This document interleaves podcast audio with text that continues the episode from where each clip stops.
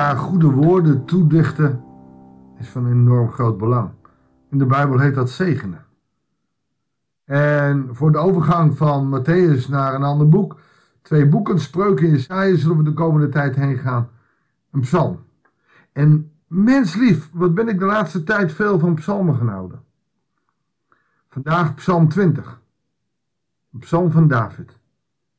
Goeiedag, hartelijk welkom bij een nieuwe uitzending van het Bijbels Dagboek.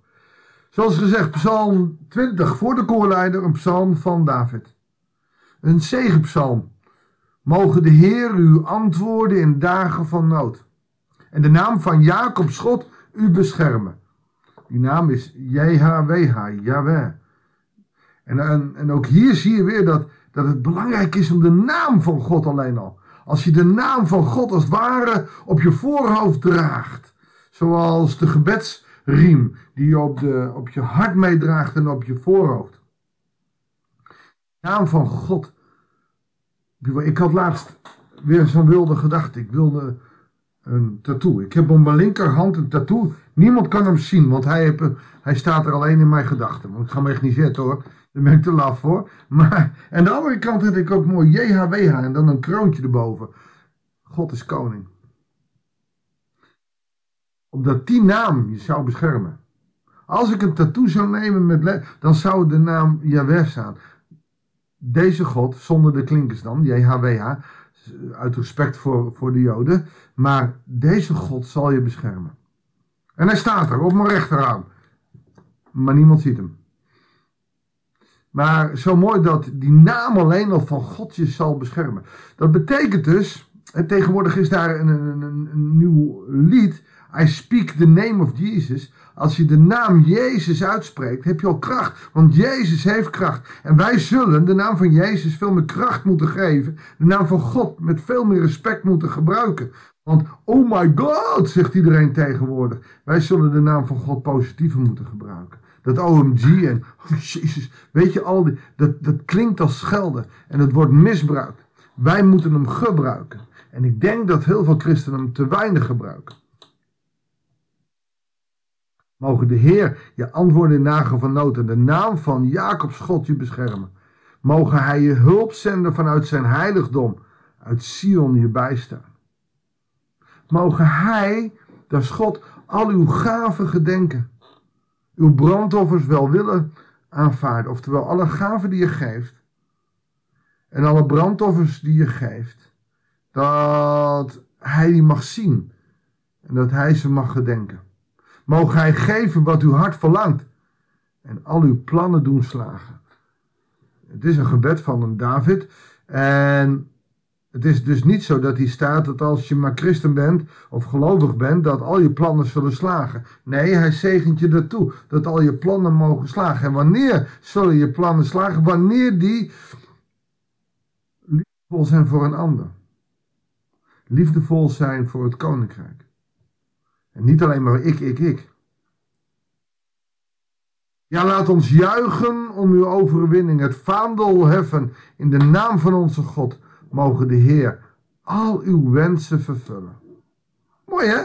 Dat is een zegen die hij ons toegeeft. Het is een prachtig, het valt me nu pas op. Ik zal hem eerder gelezen hebben. Maar het is een psalm waarin David begint met die zegen.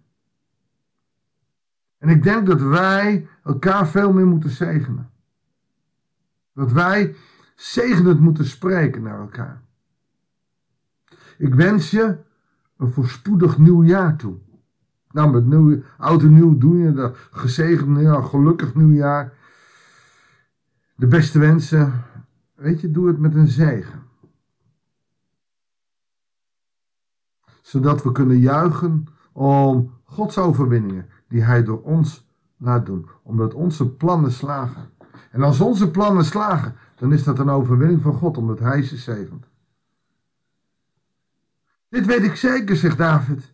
De Heer schenkt de overwinning aan zijn gezalfde. Hij antwoordt hem uit zijn heilige hemel met de overwinning door zijn machtige hand. De gezalfde, dat is de koning. En natuurlijk even bepalend, David heeft het niet geschreven. Vermoedelijk in de tijd toen hij nog Saul diende. Maar deze psalm heeft een liturgische vorm gekregen. Het werd een zegen uh, gebed in de liturgie om de gezalfde, de koning, toe te zingen en te zegenen. Maar ook het volk vanuit die gezalfde. Dus dit weet ik zeker, vers 7. De Heer schenkt overwinning aan zijn gezalfde. Hij antwoordt hem uit zijn heilige hemel met de overwinning door zijn machtige hand.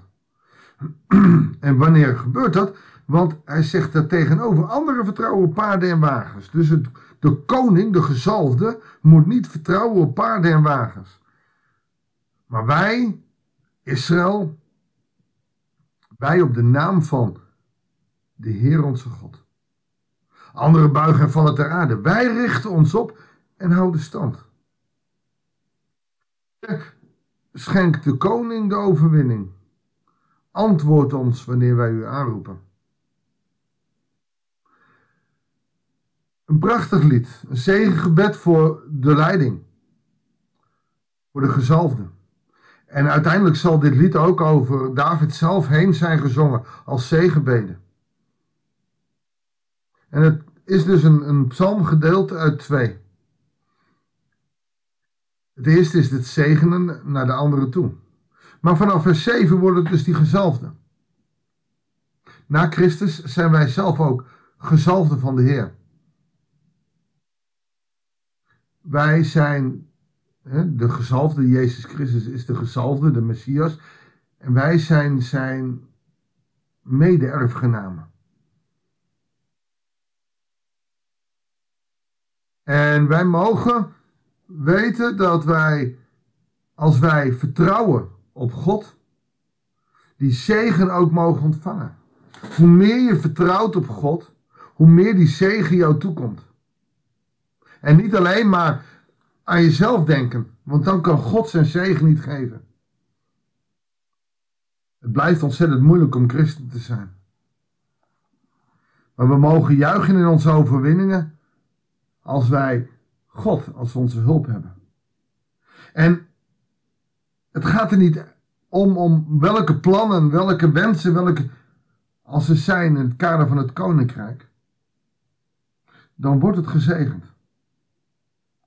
Klein voorbeeldje heb ik toch wel aan de lijve mogen ondervinden. En velen van jullie ook. Toen ik gebeden heb of er een app mag komen om jullie, maar andere mensen ook te dienen met mijn gedachten over wat we in de Bijbel lezen. Het is ontzettend belangrijk om te delen, om hardop te noemen. Ook in je eigen gebeden, maar ook met andere mensen. Een soort van netwerk. Ik verlang dit. Ik wil dit, want om, om God groot te maken. En zie je, er kwam een app en er komt nog een update en ik, ik ben enthousiast. Deel hem. Niet om mij, maar om, om meer mensen betrokken te krijgen bij het evangelie. Dat is als er staat, mogen hij geven wat uw hart verlangt. Als ik had gezegd, ik wil een app waarin al mijn gegevens staan en dat iedereen lekker uh, over mij weet. En dat... Nee, in die app die ik mocht hebben, waar ook wel informatie over mij staat, is het belangrijkste dat ik het evangelie kan delen. En dan voel je een beetje, dat is ook met je dagelijks werk. Als jij een prachtig mooie baan hebt en het interesseert me niet wat voor baan. Als jij verlangt om dat te delen in het kader van het koninkrijk, dan wordt het anders. Als jij loodgieter bent en je doet het alleen voor jezelf om geld te winnen, of je zegt ik wil mijn loodgieterschap inzetten voor het koninkrijk. Dat betekent dat je soms mensen helpt die het niet kunnen betalen en geef je, geef je korting. Maar daar kan ik ook niet rondkomen. Je zult gezegend worden. Het gekke is, hoe meer je doet, koninkrijk, hoe meer je gezegend wordt. En ik kan het je haast, ja, ik kan het je alleen maar aanbevelen. Mogen Hij geven wat uw hart verlangt en al uw plannen doen slagen. Ik wens het je zegenen toe, mag ik met je bidden. O God, u bent de machtige God die ons wil zegenen met zoveel talenten, gaven en dingen die u ons toelaat komen. U bent een geweldige God en we loven en prijzen uw grote naam. Heer, dank u wel voor uw zegeningen. We zegenen ook u, opdat wij met u door die zegen in verbinding komen. Heer, we zo mogen we ook onze medemensen zegenen. Het kan niet als we aan onszelf denken. Heer, leer ons zo zegenen te leven, zegenen te spreken, zodat mensen om ons heen die positieve zegen mogen ontvangen. Zodat alles wat op ons hart ligt, wat in het belang is van het koninkrijk of wat u belangrijk vindt, ook al die plannen mogen slagen. Heer, ga zo met ons mee. Vandaag en de dagen die komen gaan. In Jezus' naam. Amen. Mogen de Heer je antwoord geven in dagen van nood. En mogen de naam van Jacobs God jou beschermen.